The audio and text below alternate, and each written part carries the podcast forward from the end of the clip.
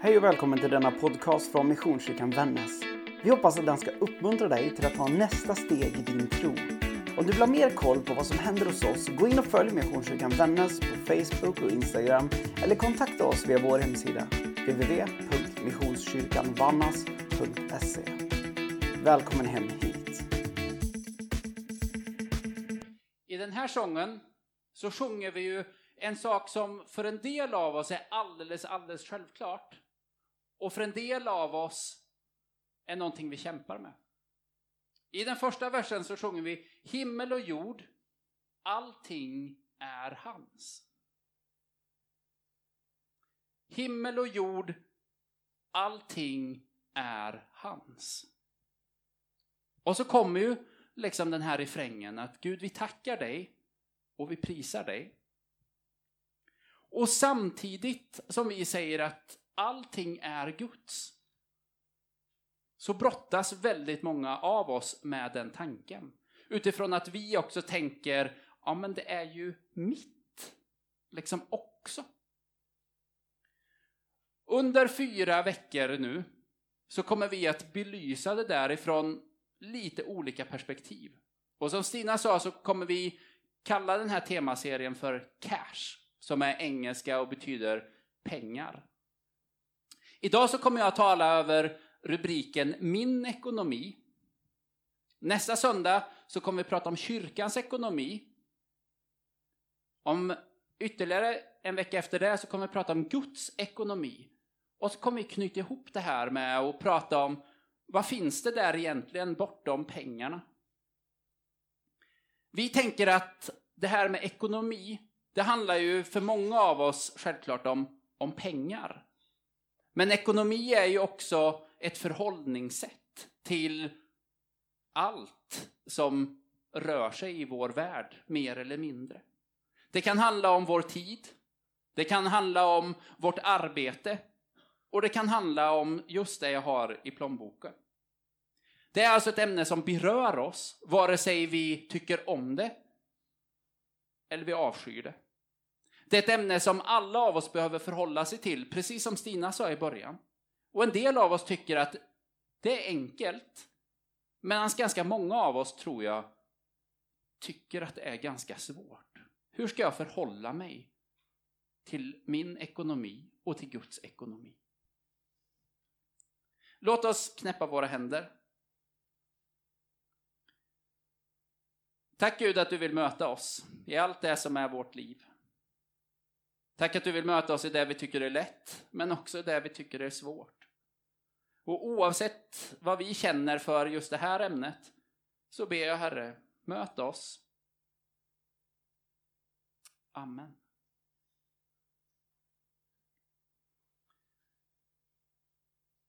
Jag läser en eh, kristen dagstidning som heter Dagen. Och under den senaste perioden har det varit ganska många artiklar som har handlat om ekonomi. Det kanske är för att det bara är så. Eller så är det för att jag har vetat att det här temat kommer komma och så har jag tänkt lite mer på det. En av de här artiklarna var en kvinna som hade skrivit in till en som arbetar som psykoterapeut. Hon hade skrivit in i en sån här frågespalt och så sa hon Jag och mina syskon, vi har börjat bråka om mina föräldrars arv. Vi har börjat bråka om den där sommarstugan och vi kommer inte överens. Vi är ju alla kristna. Men här blir det för känsligt för oss och vi vet inte hur vi ska göra. En annan artikel handlade om eh, att second hand-butikerna börjar se en ny trend. Att tidigare fick man in ganska mycket som var använt och gammalt och retro. Men nu kommer in mer och mer produkter som ens inte är använda. De är helt nya till och med i sina ursprungsförpackningar. Och deras analys var att konsumtionen har tagit sig nya liksom, nivåer. Det här är ju bara två liksom, historier, två berättelser som jag tänker att vi alla kan relatera till. Hur ser det ut i vår familj med pengar? Hur talar vi om det? Och finns det begär i mig själv som säger jag vill ha det så här på mitt sätt? Eller hur ser det ut med vår konsumtion? Köper vi saker vi faktiskt inte behöver? Och hur mycket har jag i mina förråd hemma som jag egentligen inte behöver? Och någonstans där mitt i så kommer vi in i dagens tema om min ekonomi. Om det nu är så att Gud och kristen tro kan omfamna allt, himmel och jord och allt däremellan, så borde det väl rent, både i teorin och praktiken vara så att Gud och den kristna tron också säger någonting om hur vi förhåller oss till ekonomi och pengar. Och samtidigt så är ju det här provocerande. Få av oss vill prata om vår så kallade privatekonomi. Vi vill inte riktigt dela med andra om hur det står till eftersom det är min ensak. En del av oss tycker att det är jättejobbigt när vi pratar om pengar här i kyrkan eftersom det är så privat. En del av oss tycker att det blir för mycket politik i det och kyrkan ska ju inte hålla på med partipolitik. Och samtidigt någonstans så vet vi ju att så mycket av våra liv handlar och kretsar kring pengar. Vare sig vi vill det eller inte. När vi läser Bibeln, och om ni läser de tre första evangelierna, Matteus, Markus och Lukas, och så funderar ni över hur mycket är det i de tre evangelierna som handlar om pengar, om förvaltarskap, om ekonomi. Så kommer ni märka att ungefär en tiondel av de tre evangelierna rör frågan om ekonomi och pengar och förvaltarskap. Man säger att pengar är en av de frågorna som tas upp allra, allra mest i Bibeln. Och då kan ju en del av oss tänka, varför så mycket prat om pengar? Det jag helst av allt vill undvika att prata om, varför ska Gud och Bibeln tala så himla mycket om just pengar? Och det är det jag vill lyfta idag. Om vi backar bandet till den allra, allra liksom första början av Bibeln så vet ju vi att i första Moseboks första kapitel så berättas det om hur, hur världen skapas. Och sen så kommer det en berättelse om Adam och Eva. Om syndafallet, då relationen mellan Gud och människa och mellan människa och människa bryts. Och berättelsen om Adam och Eva handlar ju om att människorna, de ser vad de inte har. Inte vad de har, utan de ser vad det är de inte har. Och i det så skapas ett begär. Och i begäret så händer ju någonting. Brustna relationer. Det blir en brusten relation mellan människa och Gud och mellan människorna. De skyller på varandra och de gömmer sig för Gud.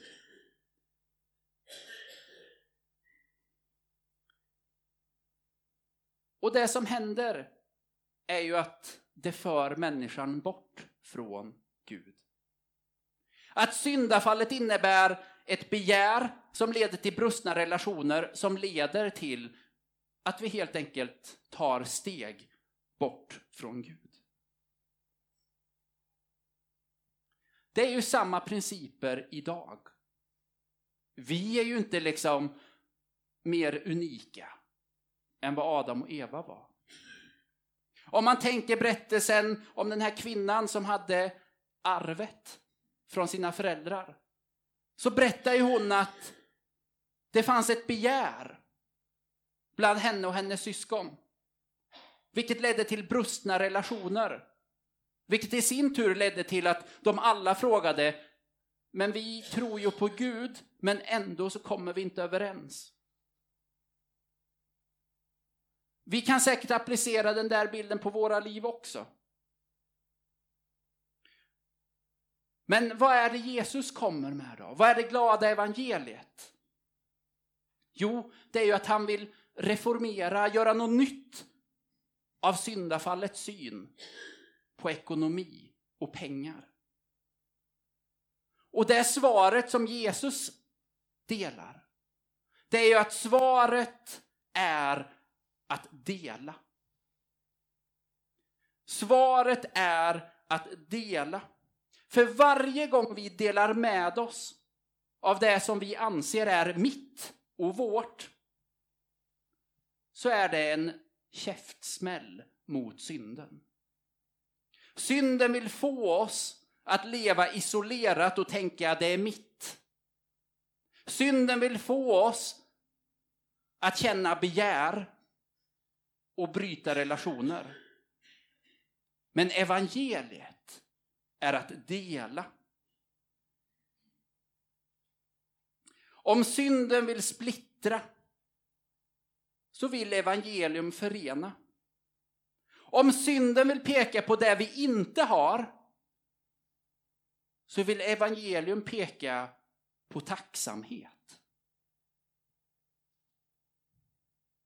Att dela är att betona att ensam är aldrig stark. Medan synden försöker påminna oss om att ensam är det bästa. Synden försöker peka på att vi aldrig får nog.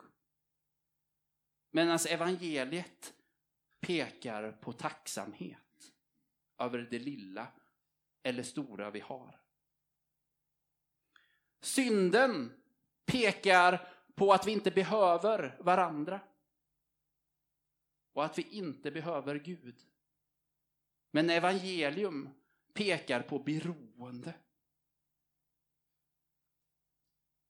Det finns ju två berättelser som jag skulle vilja lyfta upp lite sådär från Bibeln. Den ena berättelsen är om tullindrivaren Sakaios. Det är en sån där klassisk söndagsskoleberättelse som handlar om en man som är tullindrivare. I dagstermer kanske vi skulle kalla honom en skitstövel. Han tar pengar när han känner för det och är ganska korrupt, kan vi ana utifrån dåtidens system. Och vad är det han gör? Han har begär efter pengar, det blir brustna relationer och han kommer längre och längre bort både från andra människor och Gud. Men så möter han Jesus. Jesus ser honom uppe i ett träd och säger Kom ner Sackaios, idag ska jag gästa ditt hem. Och han får ett möte med Jesus. Och han säger att jag vill vara fylld av evangelium och inte av synd. Och vad är det han då gör? Jo, han delar med sig. Och genom att dela med sig så återupprättar han brustna relationer och kommer närmare Gud. Den andra berättelsen är den berättelsen vi har på tavlan och som vi påminns om varje gång vi sitter här till gudstjänst. Det berättas om kvinnan vid brunnen som är från Samarien. Ingen vill umgås med henne och dessutom verkar det som att hon har gjort dåliga val i sitt liv. Men hon får ett möte med Jesus. Hon går till brunnen för att hon vill vara själv. Antagligen för att hon inte vill bli dömd. Hon vill absolut inte dela sitt liv med någon. Men så möter hon Jesus.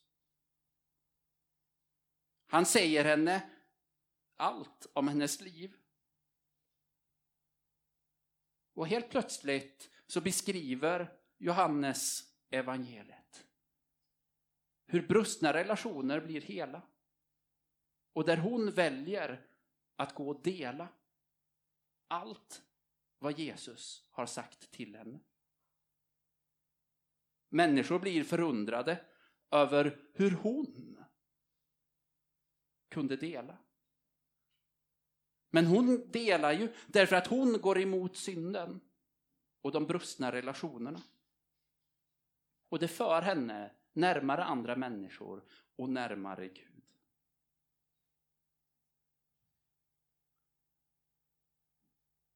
När vi delar så ger vi synden en käftsmäll. När vi delar av det som vi anser är vårt eller mitt så går vi emot allt det som säger det är mitt. Jag klarar mig själv. För vi tvingas att gå utanför oss själva och lita på att någon annan kan bära. För när vi delar våra liv, då föds ju relation. Att när vi sitter och delar våra liv så naket som det är, då föds ju relation. Men delar vi inte, så kommer vi vara två främlingar inför varandra. När vi delar vår tid med varandra så växer en relation fram. Relation kan inte bara födas genom att vi vet vad den andra heter. Utan relation växer då vi också delar vår tid. Och när vi delar våra ekonomiska resurser så möjliggör vi också att nya relationer kan växa fram. Att du kanske tänker nu när kollektboxen gick förbi att jag ger mest för att jag måste. Men vi ger ju därför att vi tror att nya relationer kan få växa fram. Nya relationer mellan Gud och människa, men också människor emellan. Att vi kan säga välkommen hit till kyrkan. Här finns olika mötesplatser. Men också att vi kan samla in pengar så att vi kan gå utanför och säga vi tror på Jesus Kristus. När vi delar så växer relationer, relationer föds och relationer möjliggörs. Vi ska sjunga en sång. Och sen så ska vi gå in i nattvarden. refrängen på sången är när vi delar det bröd som han oss ger. Jo, vad händer då? Jo, då förnyas vårt liv av den kärlek som aldrig dör. Och Jesus, du är hos oss. Att när vi delar så förnyas våra liv av den kärlek som aldrig dör. Låt oss sjunga. Psalm 75.